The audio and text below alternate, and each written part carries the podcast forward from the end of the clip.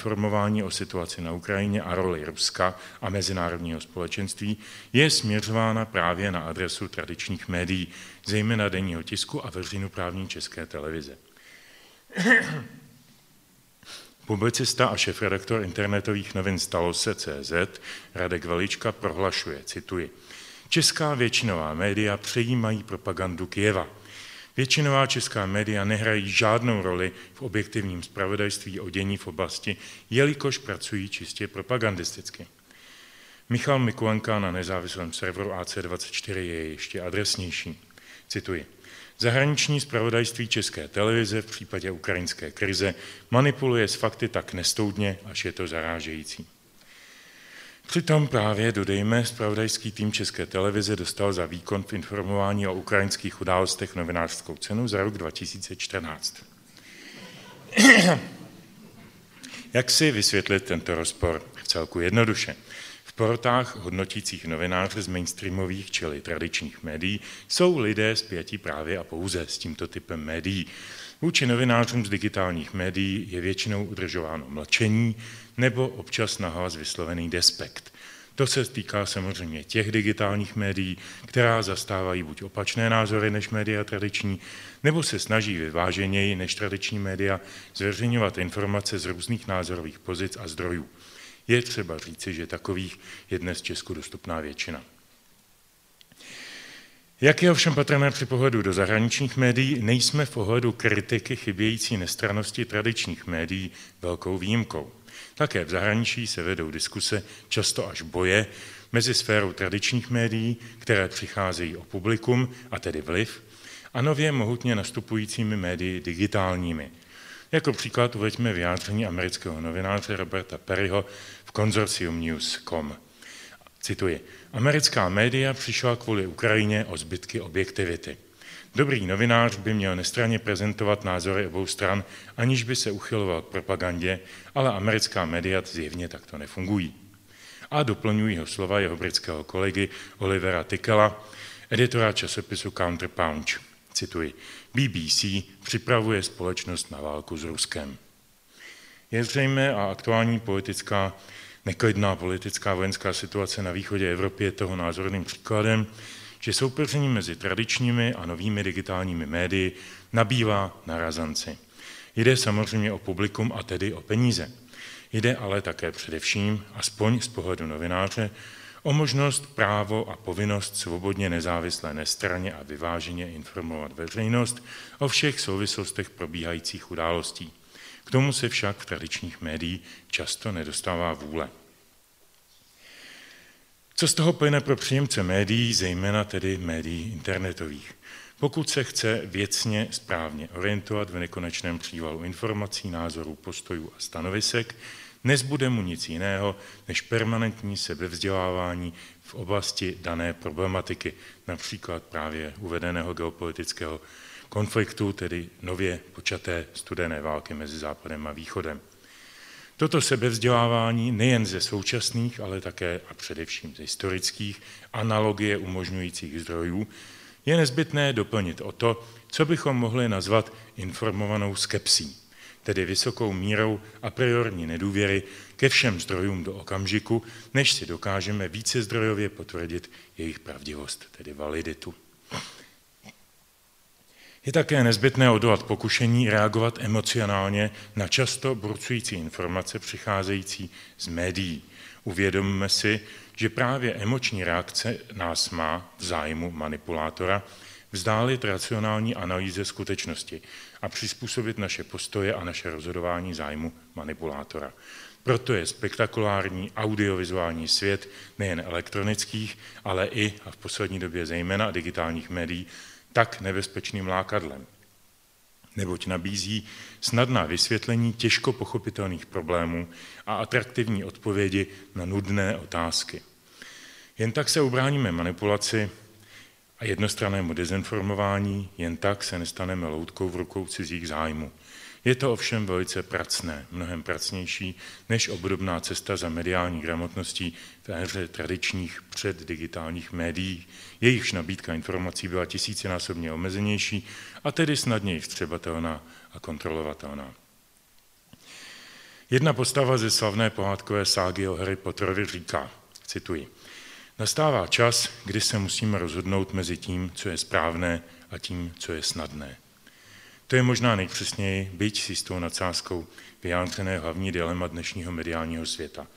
Platí pro ně také slova Karla Gustava Junga. Kdo se dívá ven, sní. Kdo se dívá dovnitř, probouzí se. Děkuji za pozornost.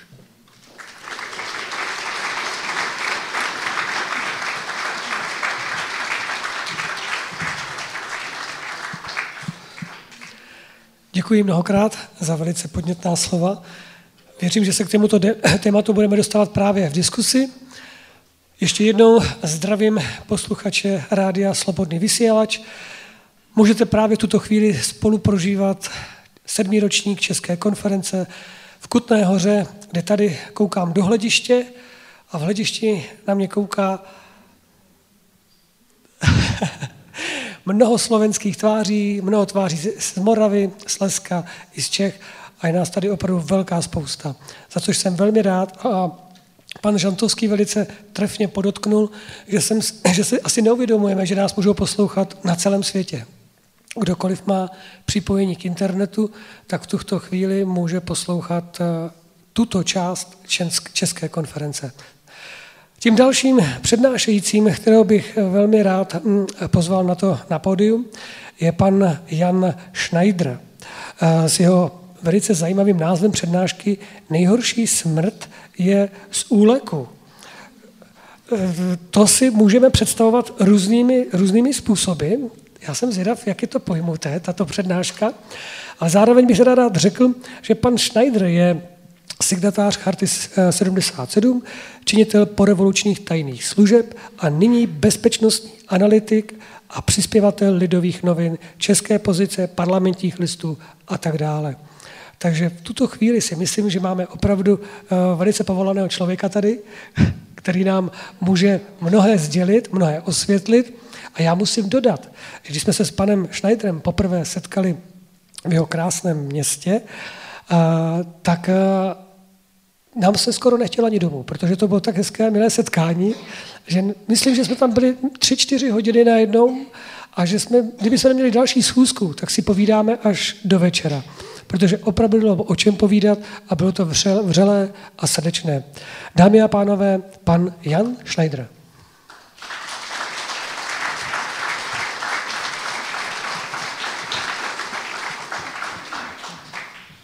Dobrý den. Já Děkuji za důvěru a bude to kratší než to setkání. Já jsem strašně rád, že tady se objevují takové společné motivy už od pana Málera ze začátku vzdělání, reflexe, humor eh, a otázky. Eh, jednou z definicí takových totalitarizujících režimů je nebo přístupu vůbec je, že mají více odpovědí než otázek. E, to je vlastně i takový příznak dezinformace, že odpovídá na to, na co jste se ještě ani neptali. E, veliké umění je klást otázky. Rabin Nilton Bonder vzpomíná, že když přišel jako malé dítě ze školy, tak maminka neříkala, co jste se dneska učili, ale maminka se říkala, na co se dneska ptal. Eh, v té souvislosti mě napadl ještě slavný výrok Arta Buchwalda, amerického humoristy. Amerika zná odpověď. Jak zněla otázka?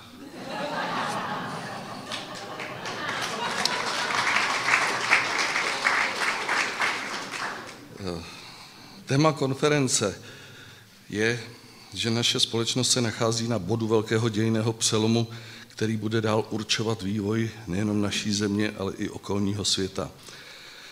To téma mi připomnělo dobu před více než 30 lety, kdy mi vzácní učitelé Milan Balabán, Egon Bondy a Milan Machovec často v průběhu bytového semináře, který vedli dohromady, diskutovali o tom, zda se blíží nová osová doba. E, není zřejmě od věci si tento pojem trochu osvěžit, vymezil ho německý filozof Karl Jaspers a označil tak dobu mezi roky 800 až 200 před občanským letopočtem, kdy nezávisle na sobě v několika místech na světě, poté co se dosavadní náboženské systémy ocitly v krizi, vznikly nové nábožensko-filozoficko-sociální systémy, které ovlivňují život dodnes.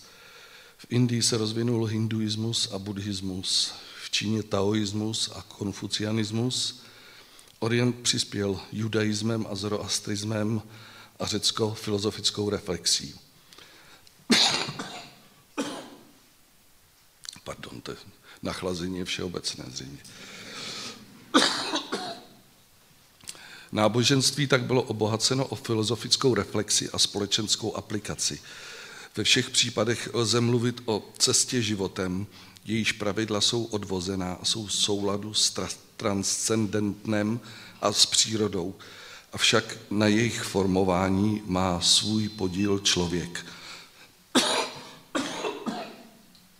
se omlouvám. To je výsledkem jeho sebeuvědomění, co by mravně odpovědného jednotlivce. Osovou dobou by se tedy dalo nazvat období, kdy se dospívající lidstvo stalo vědomým tvůrcem a interpretem svých dějin. Celý den jsem nekašlal. Eh, trocha poučení z risk managementu. Jak v loni v Praze krásně řekl bývalý americký velvyslanec Jack Matlock, dějiny se neopakují, dějiny se rýmují. To je sice poeticky vyjádřeno, ale z hlediska odpovědného manažera to má svůj význam. Už jenom proto, že Matlockův výrok souzní s bonmotem, že generálové se vždy připravují na minulou válku. Tady se dostávám k názvu svého příspěvku. Doba je divoká, emocionálně vypjatá, často těžko k pochopení. V takových situacích říkávala jedna sekretářka ve spravodajské službě s milým úsměvem na tváři. Nejhorší smrt je z úleku. Vzpomínám si, jak blahodárně takové šťouchnutí působilo. Děkuji. Pardon, technická.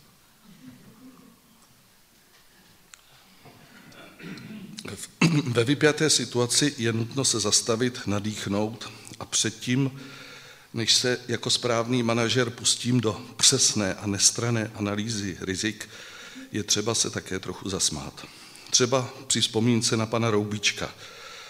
Za nímž přišla jeho žena, podobně rozčilená. Poslyš, Mojše, slyšel jsem, že má přijít Mesiáš. Zrovna teď, když jsme se trochu zmohli, ale pan Mojše Roubíček byl zkušený manažer a nenechal se zaskočit. Sára klid.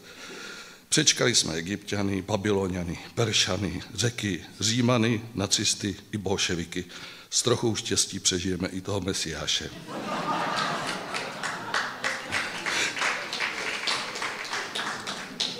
Pak si s uvolněnou myslí a manažersky suše se můžeme zeptat, skutečně nastává doba dějného převratu? Jaké jsou jeho příznaky? Je pravda, že opět předchází doba velkých krizí. Kriza ontologická. Po mi otázka Boha. Je možná víra v Boha po mi? Krize ekonomická, globální válka bank neboli banksterismus. Krize politická neboli krize demokracie. Krize ekologická, sucho, klimatické změny krize demografická, přelidněnost. Dalším příznakem je výskyt mnohých snah najít nejen odpověď, ale i reálné východisko. Nejde jen o nápad jednotlivce. K tomuto závěru docházejí mnozí víceméně současně, tak jak tomu bylo v oné osové době vzpomínané. Lidské povědomí pracuje nyní v dimenzích globálních, což je oproti době osové kvalitativně vyšší parametr – ale stejně jako v době osové jde o kvalitativní skok v uvědomění si odpovědnosti. Proto dnes mluvíme o globální lidské odpovědnosti. Závěr tedy je, že příznaky nadcházející nové osové doby tu zřejmě opravdu jsou. Co nám může nová osová doba přinést? Zajímáme se většinou o hrozby a rizika. Je pravda, že jsme zvyklí žít poměrně ve vatičce a proto jsou změny, jakožto i věci cizí, nové, neznámé a nepředpokládané, většinou předznačeny negativně jako rizikové. Není možno si jich nevšímat. Lidé, kteří necítí bolest nebo neznají strach, uvádějí sebe i jiné do nebezpečných situací. Není možno si však všímat pouze jich. Je to ale těžké, když žijeme v kultuře strachu. Ze všech stran se to na nás řítí. Filmy jsou toho plné. Anakondy, ptáci, žralci, mimozemšťané, včely, podzemšťané, mravenci, zemětřesení, tsunami, hořící mrakodrap, padouch pod postelí, úchylný kněz, vraždící soused. Média na to navazují. Známé choroby, neznámé choroby, cholesterol, vysoký tlak, inflace, nízký tlak, deflace, žádný tlak, měnová reforma. Islámský stát, mučahedíni a ovšem ti strašní rusové.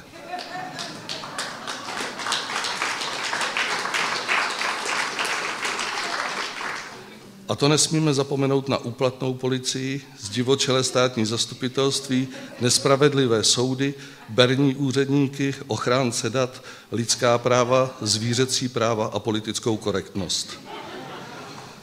A k tomu všemu nás ještě biologové varují před imunitním kolapsem, který nastává, když se organismus začne bránit na všechny strany. A přesně to může pod takovou masáží strachem opravdu nastat. Člověk se bojí a zabezpečuje na všechny strany, až se tím samým úsilím vyčerpá tak, že zemře na naprosto stupidní onemocnění.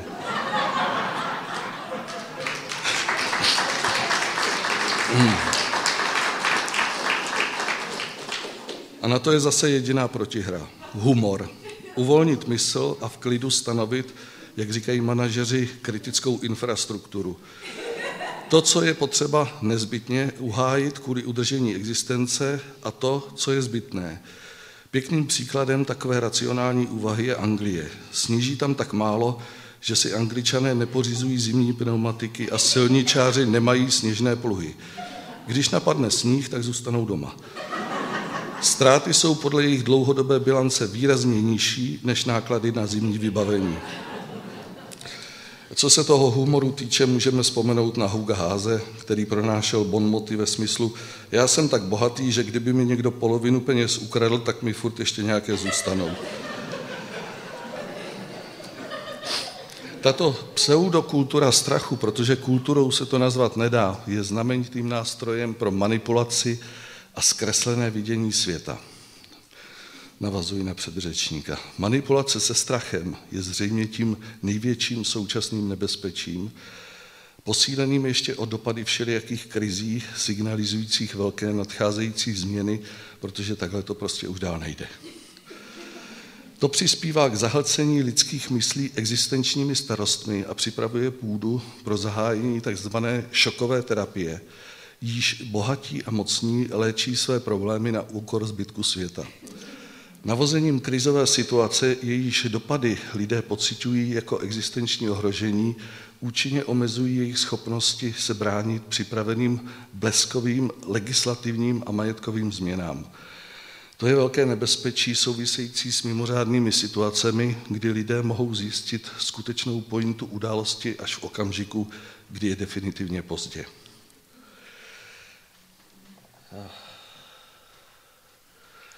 Jak čelit těmto hrozbám? Předně je třeba si nelhat. Zjistit, které hrozby jsou a rizika jsou reálné a která jsou fiktivní. Příkladem takové nesprávné analýzy, když už jsme byli u těch roubíčků jednou, jak se pan Roubíček říká, Sara, tenkrát krize na burze, a ona říká, ano, to jsme se zrovna seznámili. On říká, aha, a Kristallnacht, to si byla se mnou teda? On říká, no to jsme se zrovna zasnoubili. A říká, když nás vezli do toho koncentráku v Ravensbrücku, on říká, to jsem za samozřejmě Mojiše byla po tvém boku. On říká, a v únoru 48, on říká, to jsme prožili spolu. Srpen 68, říká, to jsem stále byla po tvém boku. A on říká, ty Sára, nenosíš ty mě nějak smůlu?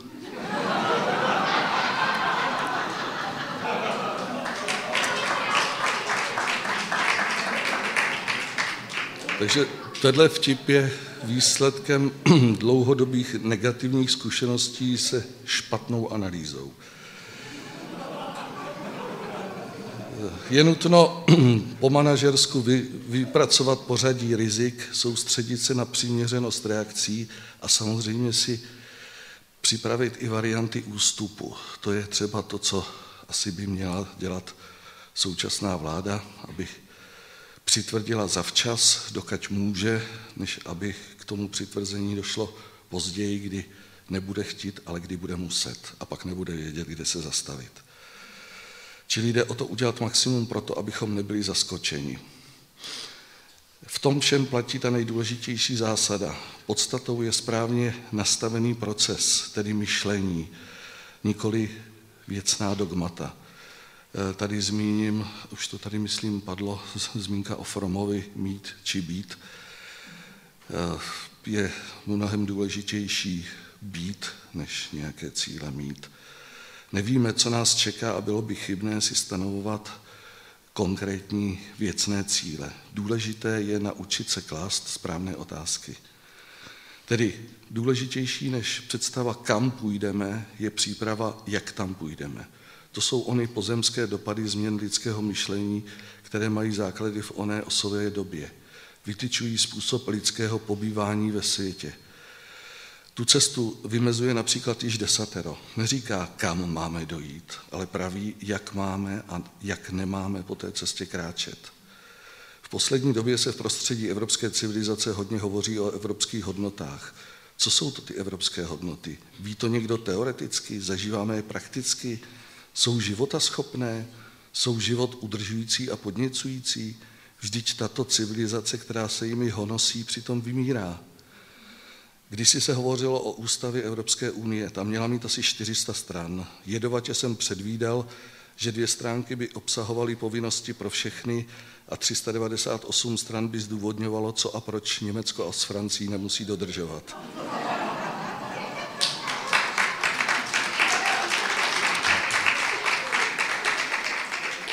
V této ústavě měl být i odkaz na křesťanské základy evropské civilizace – Někteří osvícenější propagandisté navrhovali odkázat na její židovsko-křesťanské základy. Někteří ještě osvícenější navrhovali zmínit ještě i řecké základy, ale to bylo před řeckou krizí a pak už jim to nějak nešlo přes pisky.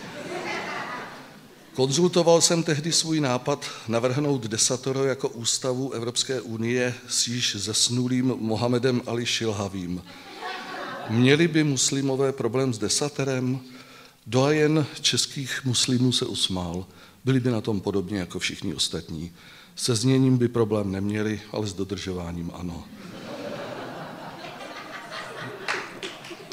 Libanonský křesťan, libanonský křesťan, člen francouzské akademie Amin Málův, autor knihy Neskrotitelná planeta, vyšlo česky, píše, že současná krize skýtá šanci Západu obnovit si svůj morální kredit – Nikoli v tím, že bude exportovat své hodnoty, ani tím, že bude importovat cizí hodnoty, ale tím, že konečně začne být věrný svým vlastním hodnotám.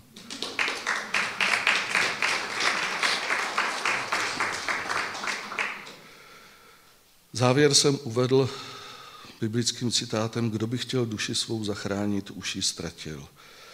Věrnosti vlastním hodnotám je třeba velké sebedůvěry. Nebát se o to, co je, ale pečovat o to, co přichází a přijíti má. Přesně podle toho paradoxního biblického citátu. O co má Evropa největší strach, to už je nenávratně ztraceno. Je to však vůbec škoda? Možná nikoli, protože v této podobě to prostě už nefungovalo.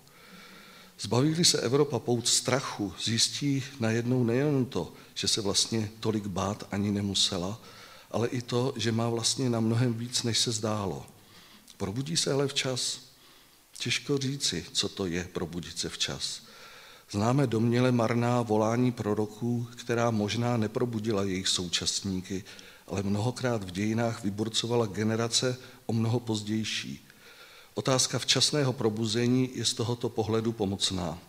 Na jednu stranu by nemělo docházet ke zlenivění, zbytečným prodlevám v našich činnostech, malomyslnosti z toho, že výsledky své práce neuvidíme.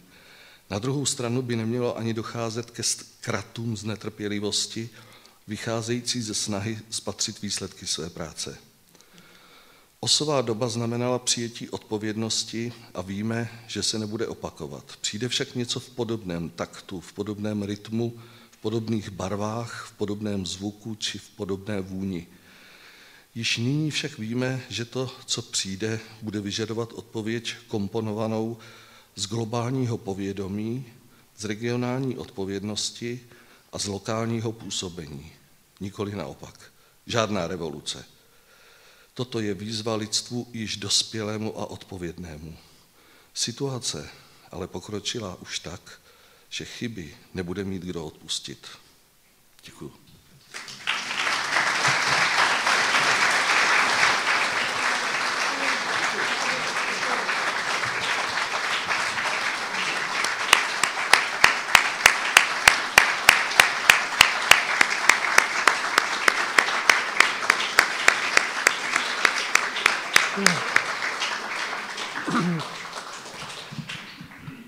Velice děkuji za velice krásná slova. Myslím, že to bylo cítit i z vás, jak jste se zasmáli. Zároveň nás to eh, poučilo, povzbudilo a zároveň i pomohlo k uchopování věcí zase jiným pohledem a jiným způsobem. Jelikož, jak jsem řekl na začátku této odpolední části, jsme v živém vysílání na slobodném vysílači, zdravím